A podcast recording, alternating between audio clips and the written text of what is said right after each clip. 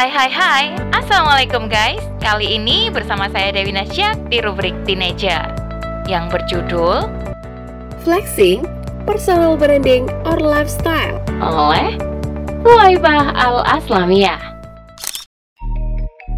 Personal branding benar-benar hanya menampilkan apa yang dimiliki saja.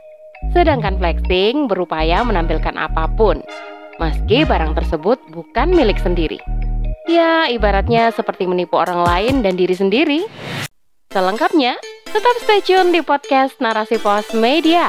Narasi Pos, cerdas dalam literasi media, bijak menangkap peristiwa kunci. Hai hai hai Besti, apakah kamu termasuk orang yang gemar berselancar di media sosial? Bila iya, pasti pernah dengar dong istilah flexing. Istilah ini ngehits gara-gara fenomena crazy rich yang demen pamer kekayaan. So, ramai deh digunakan di circle pertemanan, juga lini sosial media. Besti, menurut kamu flexing ini bermanfaat atau justru menimbulkan mudarat? Gas nggak sedikit loh yang mengaitkannya dengan personal branding. Bahkan saking boomingnya, flexing ini sudah menjadi lifestyle di kalangan netizen. Hmm, kayaknya kita mesti kepo nih Bagaimana sih pandangan Islam tentang flexing ini? All about flexing. Besti, istilah flexing itu aslinya diambil dari bahasa slang alias gaul yang artinya pamer. Asal-usulnya gini loh. Dulu kata flex atau flexing itu biasa dipakai dalam dunia musik rap dan hip hop. Makin populer pada tahun 2015 setelah duo Ray Remart merilis lagu berjudul No Flex Zone. Nah, sekarang sudah lumrah dipakai oleh netizen karena media sosial menjadi panggung buat gelagat pamernya. Misalnya kelakuan influencer yang getol pamerin kekayaan kayak barang-barang branded gitu deh Besti. Kadang keki juga ya liatnya. Penasaran juga kenapa sih influencer tuh demen banget flexing? Ayo, siapa yang tahu penyebabnya? Yuk kita teropong dulu. Pertama, mereka mengira orang lain bakal terkesan dengan pencapaiannya, khususnya kekayaan. Gak sedikit loh yang menyamakan flexing dengan breaking, alias membual. Tahu nggak Besti? Menurut Australian Institute of Professional Counselors, membual itu sombong tingkat dewa. Orang yang doyan flexing akan merasa senang jika pamer dan sombong. Kesenangan itu serupa stimulus efek dopamine itu tuh semacam zat kimia di dalam tubuh manusia yang meningkatkan suasana hati. Bahkan bisa jadi candu juga loh. Kedua, mereka ingin eksis. Orang ini terobsesi banget ingin diterima dan diakui banyak orang. Caranya dengan tunjukkan sesuatu yang wah ke halayak ramai. Susah banget kan ya? Ketiga, mereka kurang empati. Ibaratnya bersenang-senang di atas penderitaan orang. Nggak sedikit loh orang yang hidup susah sampai makan saja sulit. Eh, si pengidap flexing malah watado alias wajah tanpa dosa, enak-enak pamer. Emang gak ada akhlak ini orang. Atau ngeselin kan? Keempat, modus untuk menutupi kelemahan yang bikin rendah diri. Aslinya, si pengidap flexing ini tuh merasa nggak aman dan minus pede. Nah, untuk meyakinkan bahwa dirinya baik-baik saja plus diakui orang lain, dikeluarkan deh jurus pamer. Hmm, ngenes banget ya Besti. Besti, kamu tahu kan apa itu personal branding? Tahu nggak? Ya, personal branding itu semacam strategi seseorang untuk membangun citra diri di mata orang lain. Kemampuan, prestasi, keunikan, dan ciri khas kamu bisa banget ditonjolkan dalam personal branding. Nggak melulu soal harta kekayaan loh. Besti, Sebenarnya membangun citra diri alias personal branding itu sangat diperlukan loh dalam kehidupan sosial. Sebab hal itu bisa menciptakan kepercayaan orang lain kepada kita. Membangun kredibilitas, bikin kita pede, meluaskan koneksi, dan menunjukkan diri kita apa adanya. Keren kan Besti? Jadi, kalau terkait personal branding itu, ya sebenarnya boleh-boleh saja sih Bahkan untuk kepentingan tertentu itu memang diperlukan.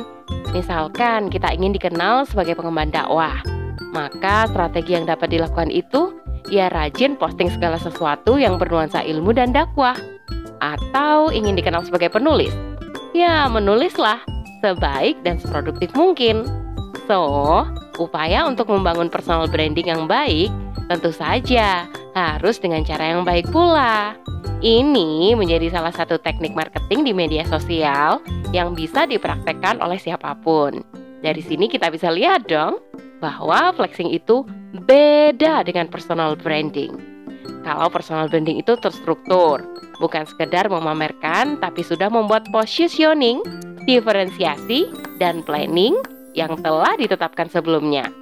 Apa yang ingin ditampilkan, itulah yang digarap secara serius. Selain itu, personal branding benar-benar hanya menampilkan apa yang dimiliki saja.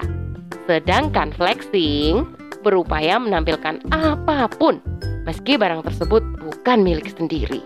Ya, ibaratnya seperti menipu orang lain dan diri sendiri. Besti masih lekat dalam ingatan kita fenomena Crazy Rich alias Sultan ia yang santer mempertontonkan kekayaannya di jejaring media sosial. Bayangkan saja, mereka dengan bangganya memamerkan saldo rekening, barang-barang branded, jet pribadi, rumah bak istana, bahkan gak tanggung-tanggung sawer giveaway pada netizen. Hmm, flexing banget kan Besti? Kerasa dunia miliknya saja dan yang lain numpang. Nah, tanpa kita sadari, flexing ini sudah menjadi lifestyle alias gaya hidup influencer dan ditiru oleh netizen dari berbagai kalangan. Gak sedikit yang menjadikannya sebagai strategi marketing untuk guide endorsement. Makin kelihatan tajir, makin melesat tuh rate dan nilai jualnya. Walhasil, privilege tercapai dan banyak orang yang terjerumus pada investasi bodong yang di-endorse-nya. Nah, gayung bersambut di berbagai platform media sosial, konten flexing ini laku keras, bahkan jadi favorit netizen loh. Padahal, kekayaan Crazy Rich itu hasil tipu-tipu alias investasi bodong. Bahkan gak sedikit yang kaya bohong-bohongan. Itu semua demi sebuah konten, padahal aslinya kere. Kadang mereka berdalih kalau aksi flexing ini tujuannya baik, yaitu memberikan inspirasi, membantu sesama, bahkan mengapresiasi suatu capaian tertentu. Ah, itu mah ngasih harapan palsu. Masa sukses bisa seinstan itu tanpa proses dan kerja keras? Mimpi kali ya. Besti, ideologi kapitalisme yang menjadi landasan dalam globalisasi dan modernisasi saat ini ternyata berperan penting dalam membentuk masyarakat yang elitis dan eksklusif. Kamu tahu nggak? Ternyata Fenomena munculnya OKB atau orang kaya baru dan gaya hidup konsumtif pada masyarakat memang sengaja diproduksi demi meraup untung sebesar-besarnya. Memang siapa yang diuntungkan? Tentu saja para kapitalis alias pemilik modal besar yang mengendalikan media. Besti, media kini bukan sekedar sarana komunikasi loh, tapi sudah menjadi industri. Istilahnya industrialisasi media.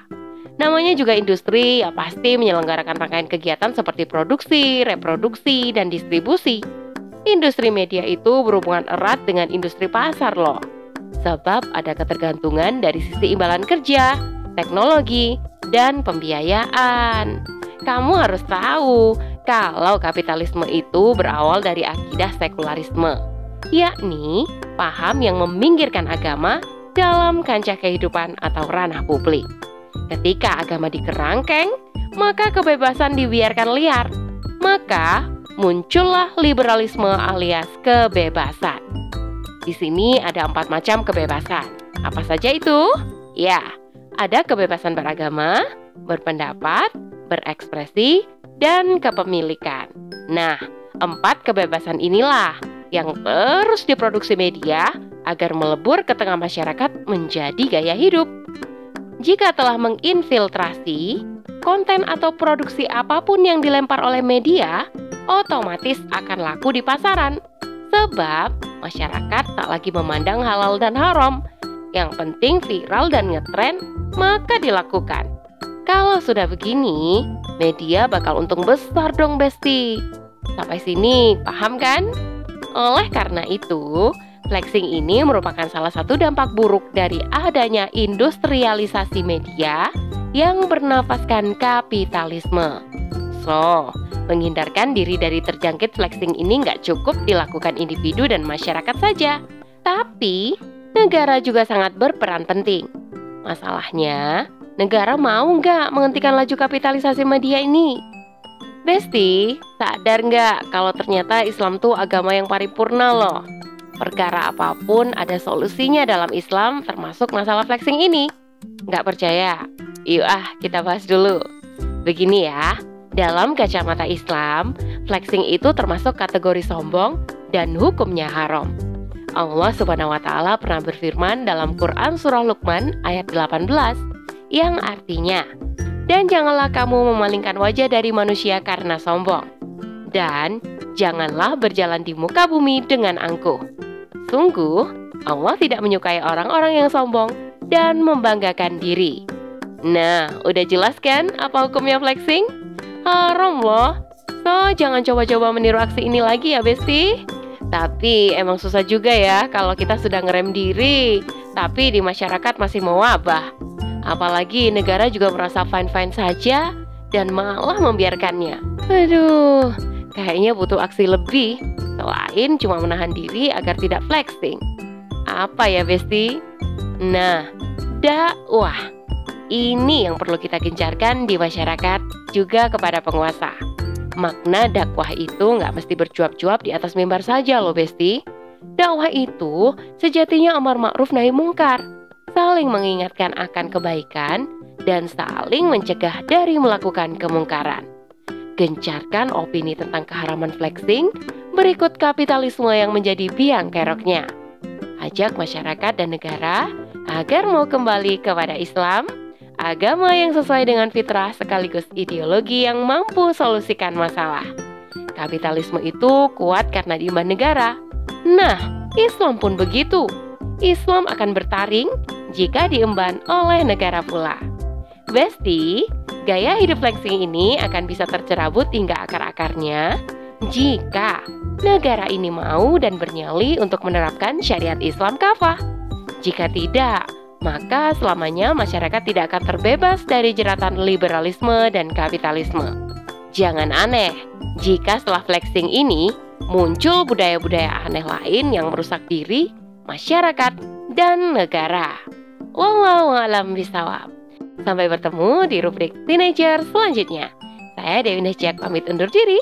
Assalamualaikum warahmatullahi wabarakatuh.